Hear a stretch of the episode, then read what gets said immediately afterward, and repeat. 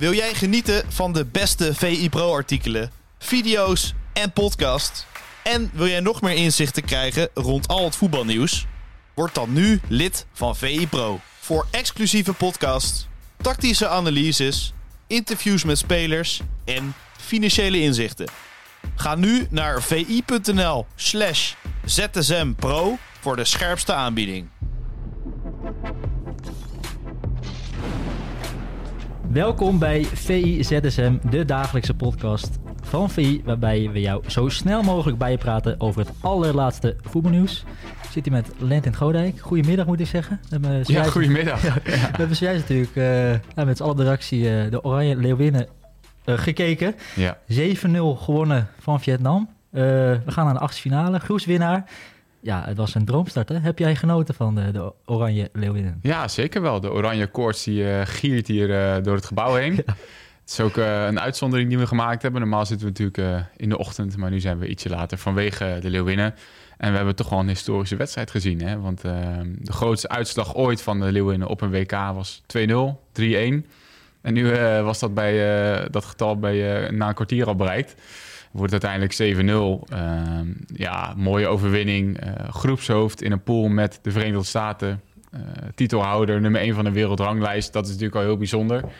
En de manier waarop die goals vallen, eh, ja, dat was bij Vlagen natuurlijk wel echt genieten. Met name van uh, Esmee. Die eh, schoot twee keer geweldig van buiten de 16 eh, in de kruising. Ja, dat is toch wel echt klasse. Ja, dat was denk ik wel de uitblinker. En er werd gewoon Ja. een beetje genoemd eh Arjen Robben-achtig? Vanaf die linkerkant. Alleen vanaf de linkerkant in plaats van van de rechterkant. Ja, ja. ja, ik vind het altijd een beetje lastig om, eh, om te vergelijken met het mannenvoetbal. Volgens mij moet je dat helemaal niet doen. Ehm, dat roept ook meteen weer heel veel weerstand op bij een heleboel mensen. Volgens mij moet je het echt los van elkaar zien. Niet continu mannen en vrouwen met elkaar gaan vergelijken. Ehm, en het waren van haar twee geweldige goals. Zij speelt, eh, is echt een creatieve in het verleden aanvaller. Speelt nu als een soort linker wingback eh, in het systeem van Andries Jonker. Eh, komt dan naar binnen en ja, twee keer met rechts eh, van behoorlijke afstand in de bovenhoek. Ja, geweldige goals. En ja, Pieter, ik weet niet of ik mag zeggen, maar die kwam ook nog met een sneertje op de redactie. Je kunt toch wel redelijk aanvallen met 3-5-2, hè? er kwam nog wel wat kritiek op in Nederland af en toe. Maar het is toch mogelijk om met, eh, met eh, vijf verdedigers aanvallend voetbal te spelen. En 7-0, ja, kijk, eh, de verschillen in het vrouwenvoetbal zijn soms wat groter dan bij de mannen tussen landen onderling. Maar ik heb net nog even opgezocht. Vietnam nummer 32 van de FIFA-ranking. Het is ook niet zo dat ze totaal misstaan op dit toernooi. Ze hebben maar met 3-0 verloren van de VS. Dus het is zeker geen dramatische ploeg. Kwamen ze natuurlijk vandaag wel niet al te best voor de dag. Ja, mijn vraag was eigenlijk van, was Nederland nou zo goed of Vietnam zo slecht? Maar eh, heb jij zo genoten inderdaad van het Nederlandse spel? Ja, het is natuurlijk altijd een beetje een combinatie van beide. Eh, al kreeg Vietnam de eerste kans, dus het had ook eh, anders kunnen aflopen. Maar daarna zakte het wel heel ver weg. Die bondscoach wisselt niet voor niks natuurlijk aan een half uur al twee spelers. In de rust werd de keeper ook nog gewisseld. Die zag er ook niet heel lekker uit natuurlijk bij een aantal goals. Ja, ook gewoon eh, kleine keeps. En je zag duidelijk dat Nederland er ook wel op inzette. Hè. Hoge, hoge ballen, veel hoge ballen richting de 16. Eh, nou ja, het afronden waren ook veel hoge, hoog in het doel. Ehm, dus ja, Vietnam zat er gewoon eh, duidelijk niet goed in. Maar het Nederlandse aftal was ook gewoon heel sterk. En je ziet gewoon dat de automatismen in de ploeg zitten. Dat er heel veel scorend vermogen is. Veel verschillende speelsters die kunnen scoren. Ook nu Minima er niet eens bij is. Want dat is natuurlijk eh ja, topscorer alle Ja, tijden. hem nu eh. Een van de beste speelsters ter wereld die er inderdaad helemaal niet bij is. En dat je dan zonder minima eh, bijna fluitend zo die groepsfase doorkomt, is wel heel knap. En ook met perspectief, hè, want ehm, omdat Nederland nu groepshoofd is geworden, ontlopen ze waarschijnlijk Zweden. Toch ook wel een van de kandidaten om het toernooi te winnen. En ja, dat biedt perspectief voor de rest van het toernooi. Dus ja, echt een belangrijke en historische zegen. Ja, de, de Andries Jonker natuurlijk, die heeft het dan inderdaad wel aardig voor elkaar. Hij zei Ja. voorafgaand aan eh, de wedstrijd met Verenigde Staten, ik wil eh, moderne vrouwenvoetbal gaan spelen. Ja. Maar dat heeft hij ook wel aardig op de rit nu eh, zo. Ja, zeker. Er zat gewoon heel veel beweging in. Eh, positiespel ziet goed uit. En ja, je merkt gewoon dat, dat ze echt met vertrouwen spelen. Iedereen kent zijn rol. Hij is natuurlijk al langer met dat systeem bezig. Ehm daar was aan het begin misschien ook al eh, niet iedereen helemaal perfect tevreden mee. Maar je merkt nu dat het wel eh, dat het gewoon heel sterk staat. Dat iedereen weet wat hij moet doen. En dat er ook wel heel veel creativiteit in deze ploeg zit. En misschien ook wel omdat Miedema ontbreekt, is er nog meer beweging, nog meer positiewisselingen. dat is gewoon heel lastig te verdedigen. Ja, Nederland is nu groepswinnaar. Ja. we hebben het gehad over ja, het gat met de Verenigde Staten. Maar dat lijkt nu wel andersom. We, hebben, we zijn er overheen gegaan. We hebben het gedicht. Ja, dat is wel bijzonder hè. de VS natuurlijk heel groot spelen in het vrouwenvoetbal al decennia lang. Vorige WK natuurlijk nog gewonnen van Nederland in de finale. En nu hadden ze het heel lastig tegen Portugal. Ging het bijna nog mis in de slotfase, waardoor ze in de groepsfase eruit waren gekegeld. Dat was natuurlijk helemaal bizar geweest eigenlijk. Uh, maar dat, dat, je boven de VS weet te eindigen zonder je beste speelster is wel echt, echt heel erg knap. Dus ja, super goede prestatie van, uh, van André Jonker ook. Nou, maar kunnen we nu grote dingen gaan verwachten ook? EK of finale kriebels al. ja, ja, nou ja, kijk, het is natuurlijk altijd mogelijk. En er zijn wel meer verrassingen al voorgekomen dit toernooi. Um, en ja, het is altijd belangrijk om in zo'n toernooi um, iedereen fit te houden, om, om uh, vertrouwen te houden in je speelstijl. Dat er veel vastigheid is, nou, dat is aanwezig. En dan zal het uiteindelijk ook een beetje de dag zelf aan moeten komen. Maar dat je nu Zweden ontloopt in de achtste finales is waarschijnlijk um, is al een enorme winst natuurlijk. En dan daarna uh, ja, moet je een beetje geluk hebben met de loting waarschijnlijk. En moet alles op zijn plek vallen. Maar het is natuurlijk wel duidelijk dat Oranje ervaring heeft op grote toernooien om daar ook verder in te komen. Um, dus, en, en ja, uh, ook de ervaring. De speelsters weten wat, wat er gevraagd wordt in die fase van het toernooi. Dat is natuurlijk wel een enorm voordeel. We hebben het over Esme Burgs uh, gehad. Waar daar eigenlijk verder nog uh, uitblinken? Zag je verder nog uh, namen die voor jou uitblonken? Ehm, ik vond Dominique Jansen heel sterk. hele toernooi sowieso al. verdediger die nou ja, ook daarin stabiel is, maar zeker ook aan de bal. geweldige trap, links en rechts. Ehm, dat zag je vandaag heel veel, de lange crosspasses. omdat er dus ook een verschil in lengte was met Vietnam. En daar kon Nederland dankzij haar enorm van profiteren. Ze had op een gegeven moment ook een actie uh, dat ze met een dubbele schaar ja, die ook ja, ja, een balletje actie, voorgeven. Uh, dus ook zelfs in het 16 meter gebied van de tegenstander was ze nog belangrijk. Dus zeker ook wel een van, van de nieuwe dragende speelsters bij, bij Oranje. Die, dus die was ook heel sterk, ja. Nou, heel goed. We gaan het zien aan de achtste finale. het is verder eigenlijk nog meer een feestelijke uitzending. VI Pro, ja. 19.000 abonnees. Ja, dat moeten we misschien even uitleggen voor onze podcastluisteraars. maar tussen ons in staat een oh, enorme taart. Met uh, slagroomtoefjes op de rand. En in het midden VE Pro logo met daaronder uh, 19.000 VE Pro abonnementen. Want daar zijn we doorheen gegaan gisteren. Toch ook wel weer een, een mijlpaaltje. We groeien gestaag, daar zijn we natuurlijk apen trots op. En nou, vandaar dat we vandaag een taartje aansnijden. Ik heb deze nog snel weggehaald, want die andere die was al flink geslacht. er was niet veel meer van over. Maar deze ziet er nog goed uit. Ja, heel goed, heel goed. Ja. Dan gaan we even naar het meest gelezen op VI Pro. Een verhaal van uh, Dave Albers. Uh, ja, we zijn de laatste week uh, ja, de voorbereiding van de Eredivisie-ploeg hebben wij gevolgd in Ja. de provincie. Ja, En eh, ja, afgelopen week heeft Dave Albers daar een ja, mooi verhaal van gemaakt.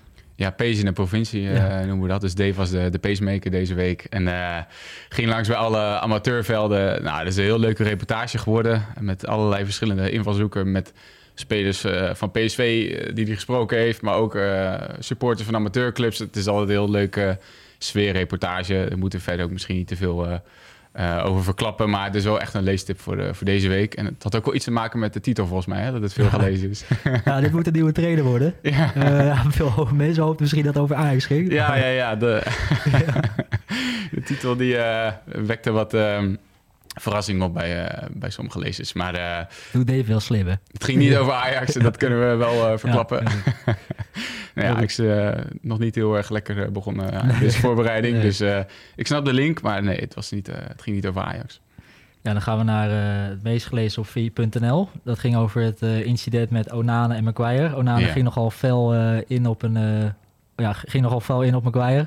Die deed iets verkeerd. Hij zei zelf, als we zilverwerk eh, willen pakken, ja, dan moeten we elkaar ha- hard aanpakken. Ja. Ja. en dat deed hij. ja het is wel... eh, ik vind het wel een bijzondere actie, eerlijk gezegd. Eh, Maguire heeft al, ligt al jaren onder een vergrootglas bij United. Heeft een heel moeizaam jaar gehad. Dan wordt zijn aanvoerdersband hem afgepakt. Nou, daar is hij duidelijk niet tevreden mee. Dat, dat doet hem pijn. Daar heeft hij een duidelijk statement ook over naar buiten gebracht. Nou, dat zegt natuurlijk ook wel iets, want dat, dat wordt normaal gesproken graag intern gehouden. Maar ehm, ja, Maguire, duurste verdediger ooit, weet je wel. eh, Elke fout wordt enorm uitvergroot. En dan krijgen we André Onana, die een week binnen is. Die dan publiekelijk in zo'n stadion helemaal de huid vol gaat schelden. Ja, ik vind het niet zo chic. Ehm, het is uiteraard goed om iedereen scherp te houden. Maar denk wel, je mag wel iets meer respect opbrengen voor iemand die al jaren aanvoerder van je club is, waar je net binnen bent gekomen en die nog steeds een van de leiders is in de kleedkamer. maar goed, misschien was het gewoon even een een impuls, uh, uit intuïtie, even iedereen op scherp zetten. Ja, even, even een verdedigingsduo laten zien dat ik er ben. Ja, hij had er nog voor weinig spijt van, Onana in elk geval. Ja, hij had, uh, hoeft het niet terug te draaien. Wel genoten trouwens van Onana, die echt als een soort... Uh, net als bij Cameroen op het WK wel echt tussen de verdedigings in ging staan. Een meter of twintig bij zijn 16. Nee, nee, uiteindelijk bij het WK dus zoiets van blijf jij nou alsjeblieft gewoon even voor je goal staan, want dan hebben we je toch ook wel nodig als uh, Cameroen zijnde. Hmm. Maar bij United meldt hij zich in het, in het meevoetballen en uh, kan hij daar natuurlijk enorm van waarde zijn. Geweldige keeper, maar ik denk wel dat hij met zijn karakter uh, misschien even een klein beetje moet wennen in de kleedkamer van United. Wat nog steeds een van de grootste clubs ter wereld is. En om nou je zo te kakken te zetten is misschien niet zo netjes. Ja, precies. Maar ik denk wel dat het voor Ten Hag wel een droomkeeper is, inderdaad. Ja, dat denk ik ook. En uh, er is natuurlijk enorm veel ruimte voor verbetering ten opzichte van de Gea, wat ook uh, qua karakter geweldige doelman is geweest met fantastische reddingen. Maar meevoetballend echt ja, gewoon heel mager. En continu vertragend in, in de opbouw, in het positiespel. Uh, ook qua vertrouwen voor de verdediging. Dat ze toch elke keer wat verder naar achter gingen staan. Waardoor de ruimtes te groot werden. Waardoor je op heel veel fronten gewoon net tekort komt. Um, en Onana is ook niet perfect. Heeft ook heus wel zijn foutjes. Maar um, heeft wel de uitstraling en, en het vertrouwen om ver buiten zijn 16 te komen. Waardoor de verdediging hoger kan gaan spelen en de opbouw gewoon eh, veel eh, verrassender en vloeiender zal gaan lopen. Dus het zal denk ik echt een enorm verschil zijn. Ja. ja. Dan gaan we door eh, naar een ander VI Pro-artikel over Hartman. Dat heb jij geschreven. Ehm, Niet meest gelezen, hè, deze keer. Dat was toch jammer. had ik wel een beetje op ingezet. Ja. Nou ja, hij had over onder andere ja, zijn directe tegenstanders natuurlijk uh, Angel Di Maria. Die hadden het toch wel heel lastig hè, met Hartman. Ja, ja, het hadden we van tevoren uh, over gehad. Hartman met Arne Slot. Van, uh, je speelt vandaag tegen een wereldkampioen. Die gaat waarschijnlijk niet achter jou aanlopen. Maar hij had zich toch een beetje in verslikt. Want uh, Angel Di Maria deed wat hij zijn hele carrière al doet. toch gewoon doodleuk achter de linksback van de tegenstander aanlopen. Wie het ook is. Of het nou Kozakke Boys is of Feyenoord. Of in de WK-finale tegen Frankrijk. Hij is daar heel gedisciplineerd in. maar goed, alsnog kwam Hartman veel aan de bal ik vond het wel leuk, want ik was inderdaad bij die wedstrijd en hij vertelde dan achteraf ook. Uh, hij heeft natuurlijk heel goed eerste jaar gehad. Iedereen verrast, doorgebroken bij Feyenoord. Maar uh, dat kan ook nog wel, veel beter. En nou, in eerste instantie was natuurlijk iedereen heel positief. Oh, wat een uh, revelatie bij Feyenoord. Maar nu wil hij ook laten zien dat hij um, echt nog stappen kan gaan zetten. En ook een van de dragende spelers kan worden. En nou, Arne Slot is met hem bezig van kom als linksback ook wat meer het middenveld in, aan de binnenkant. Dan kan je nog ehm, leidende worden ook in het positiespel. Want ik was ook op trainingskamp in Oostenrijk bij Feyenoord. En dan zie je af en toe van die rondootjes, weet je wel. Dan zie je toch wel vaak hoe, uh, wat de status is van een speler binnen zo'n ploeg. En je merkt wel dat Hartman daar gewoon heel goed in is. Dat hij snel de oplossingen ziet. Dat hij goed één keer kan raken. Uh, dat hij uh, bollen vooruit wil spelen, um, kort of lang. Hij heeft dat overzicht wel. En daar wilde zichzelf nog verder in ontwikkelen. Uh, en dat was een heel leuk gesprek. Uh, Slot die gebruikte Zinchenko als voorbeeld bij Arsenal en eerder bij City. Uh, die ook veel dan in het middenveld inkomt en daar belangrijk is. En Hartman moet een beetje die ontwikkeling ook ehm, gaan doormaken. Dus dat eh, is wel leuk om te volgen dit seizoen. Of hij dat eh, kan waarmaken bij Feyenoord. Nou, een beetje de moderne linksback inderdaad. Ja, een beetje de John Stones bij City. Is Arne Slot toch weer naar City gaan kijken? Hij moest naar AS Roma kijken, toch? Van Mourinho. Die is niet blij, denk ik, als je, als je dit hoort. Nee. Um, ja, en dan... Uh, ja, en trouwens, uh, ja, Stenks hebben ze nou gehaald, maar mm. die Hartman kan ook wel heel goed uh, pasen. Mensen vijf voor de keeper zetten. ja, steekpaasjes, ja. ja. dat zei ik nog tegen hem. Ja, hadden ze Stenks eigenlijk overhalen als jij dat soort uh, steekballetjes gaat geven. Ja. Nee, was, uh, was leuk. En het is ook gewoon een hele leuke gozer. Heel zelfkritisch, Hartman. Ehm, heel bewust bezig met zijn ontwikkeling. Ook heel eerlijk naar buiten toe. Dat hij helemaal niet moeilijk over, over zijn verbeterpunten. En Stenks is natuurlijk inderdaad ook uh, een goede aanwinst voor Feyenoord. Want nog even los van dat grapje, maar ze kunnen natuurlijk wel wat creativiteit gebruiken. En Stenks brengt dat. En dan hopen ze natuurlijk uiteindelijk ook binnen te halen met uh, Ivanusek. Want zo moeten we het uitspreken, ja, ja. hè? Ivanusek. Ik zei Ivanusek op, uh, trainingskamp. En toen kwam uh, Dennis de Kloeze, die niet kon bevestigen dat hij in beeld was. Maar hij zei wel, je spreekt het helemaal verkeerd uit.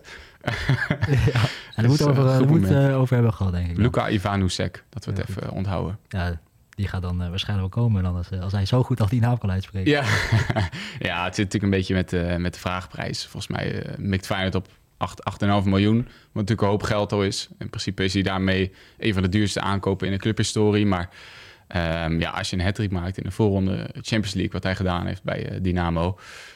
Ze spelen deze week volgens mij weer in die voorronde. Ja, kijk, ik ben een beetje bang voor Feyenoord. Op een gegeven moment komt er een Premier League club. Um, en voor een Premier League club is 8 miljoen helemaal niks. Dus die beginnen waarschijnlijk met bieden met 20. Ja, en dan, dan wordt het natuurlijk wel vervelend. Die jongen kan daar waarschijnlijk twee, drie keer zoveel verdienen. Zij kunnen twee, drie keer zoveel betalen qua transfersom. Dus het is Feyenoord wel te hopen dat daar snel uh, beweging in komt. Zeker, zeker. We nog even over Liverpool? Of over Liverpool? Ja, of... Uh... Over de nieuwe captain van... Ja. Uh, ja, daar wil je het over Virgil van Dijk, hè? Ja, ja. ja wel, uh, toch wel een heel bijzonder moment voor hem. Hij was natuurlijk... Uh, hij is benoemd als eerste aanvoerder, dat is het nieuws. Hij was natuurlijk al derde aanvoerder achter Milner en Henderson. Die allebei vertrokken zijn. Dus in die zin is het ook weer niet heel verrassend. Maar ja, toch wel een geweldig grote club waarin hij nu vast die band mag gaan dragen. Uh, heel bijzonder voor hem. Uh, ik ben wel heel benieuwd hoe hij het gaat doen dit jaar. Want hij heeft best een pittig jaar achter de rug van Dijk bij Liverpool. Waarin uh, nou vooral de organisatie op, op middenveld uh, ver te zoeken was bij Vlagen. de druk op de bal niet goed was. Maar daardoor werd hij ook heel kwetsbaar. Kwam hij in enorme ruimtes te spelen. En ehm, zag hij er niet altijd even stabiel uit. Zo eerlijk moeten we zijn. Um, dus het is nu te hopen voor Liverpool nu ze zeven middenvelders weg hebben gedaan. Want uh, zo is het. Zeven zijn er vertrokken deze zomer. En een hoop uh, nieuwe middenvelders gehaald hebben met uh, nou, enorm veel energie, loopvermogen, sterk aan de bal. En die structuur moet wel een beetje gaan terugkeren. En dan hopen we de, de beste Virgil van Dijk weer te zien. want het is natuurlijk wel heel bijzonder als je aanvoerder bent van Nederland. EK komt eraan, je bent aanvoerder van, van Liverpool. Een waanzinnige carrière uiteindelijk natuurlijk voor hem. Ja, en uh, ja, hij heeft natuurlijk wel wat goed te maken. Want vorige werden ze vijfde. Ja. Ze willen wel terecht zetten, denk ik. En Cody Gakpo natuurlijk uh, staat aan zijn eerste volledige seizoen. Ja. Dus uh, ja, dat gaan we meemaken. Die ja, Nederlands enclave daar. Precies, precies. Ook wel benieuwd naar Gakpo hoor. Want Nunez scoort veel deze voorbereiding. Het lijkt toch wel echt de spits te gaan worden. Nou ja, Salah ga je er niet uitspelen. Dus dan gaat het denk ik toch vooral om die plekken aan de linkerkant. En er zijn nogal wat uh, concurrenten voor. Luis Diaz heb je daar nog. Uh, Jota heeft een goede tweede seizoenshelft gespeeld bij Liverpool. Um, dus voor Gakpo wel serieuze concurrentiestrijd. Hij kan aan de bak dit seizoen. Het zou wel echt, echt knap zijn als hij daar een vaste basisspeler kan, kan worden. Mag ik jou bedanken voor deze VZSM. Zeker, we gaan aan de taart, hè? Ja, ja, ja die hebben we We hebben er nog lang genoeg naar gekeken. Ja, ja goed. Quentin, tot ZSM. Tot ZSM.